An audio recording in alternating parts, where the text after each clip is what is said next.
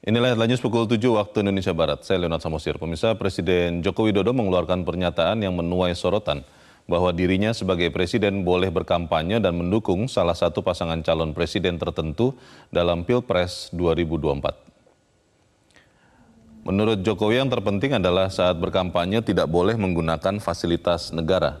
Jokowi menjelaskan menteri dan presiden bukanlah sekedar pejabat publik, tetapi juga pejabat politik. Maka dari itu memihak dan mendukung paslon presiden tertentu diperbolehkan. Hal itu diutarakannya saat menanggapi pernyataan Menko Polhukam Mahfud MD soal banyaknya menteri di kabinet Jokowi yang terang-terangan mendukung kandidat tertentu meskipun bukan bagian dari tim sukses. Hak demokrasi, hak politik setiap orang, setiap menteri sama saja. Yang paling penting presiden itu boleh loh kampanye. Presiden itu boleh loh memihak. Boleh. Tapi yang paling penting waktu kampanye tidak boleh menggunakan fasilitas negara. Boleh, Pak. Kita ini kan pejabat publik sekaligus pejabat politik. Masa gini nggak boleh berpolitik? Nggak boleh. Menteri juga boleh. Gimana? Itu saja. Yang mengatur itu hanya tidak boleh menggunakan fasilitas negara. Itu aja. Menanggapi pernyataan Jokowi soal presiden dan menteri yang bisa kampanye dan memihak, pengamat politik Ikrar Nusa Bakti mengatakan hal ini terjadi karena kegusaran dari presiden bahwa performa survei paslon 02 Prabowo Gibran stagnan. Ya, itu memang ada uh, suatu kenyataan ya bahwa pasangan yang dia dukung ya Prabowo Gibran itu rupanya angkanya masih mentok paling tinggi itu adalah 45 persen ya. Dan kemudian beliau juga mungkin mendapatkan informasi dari uh, survei internal yang dilakukan oleh pasangan yang lain ya.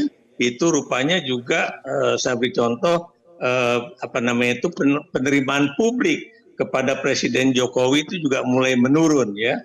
Apa artinya itu? Rupanya uh, apa namanya itu uh, akseptabilitas publik terhadap presiden itu mulai menurun dan ini tentunya akan berpengaruh terhadap uh, pasangan calon presiden dan wakil presiden yang selama ini didukungnya ya. Makanya uh, beliau gusar ya dan terus terang ya maaf kata ini udah benar-benar membabi buta ke sana kemari menggunakan fasilitas negara, membagi-bagikan beras yang boleh dikatakan itu adalah cadangan yang dimiliki negara untuk kemudian bukan mustahil ini adalah bagian dari cara membeli suara rakyat.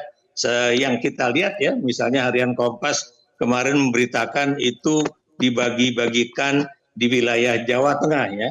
Kemudian juga Anda tahu kan, misalnya kelompok tani di Jawa Tengah ada yang mendapatkan uh, 122 uh, juta rupiah, ada yang mendapatkan 200 juta rupiah ya, uh, yang kemudian mereka mengalami gagal panen. Pertanyaan saya, itu uang benar-benar uang negara untuk membantu petani dan masyarakat miskin, ataukah itu lagi-lagi uang untuk membeli uh, apa namanya itu suara dari mereka-mereka yang mendapatkan uh, bantuan tersebut ya karena kita tidak lagi bisa membedakan apakah presiden itu melakukan kunjungan kerja membagi-bagi bansos ataukah itu adalah bagian dari cara presiden untuk apa namanya itu membantu supaya elektabilitas dari Prabowo dan anaknya itu benar-benar bisa naik kembali ya. Jelajahi cara baru mendapatkan informasi. Download Metro TV Extend sekarang.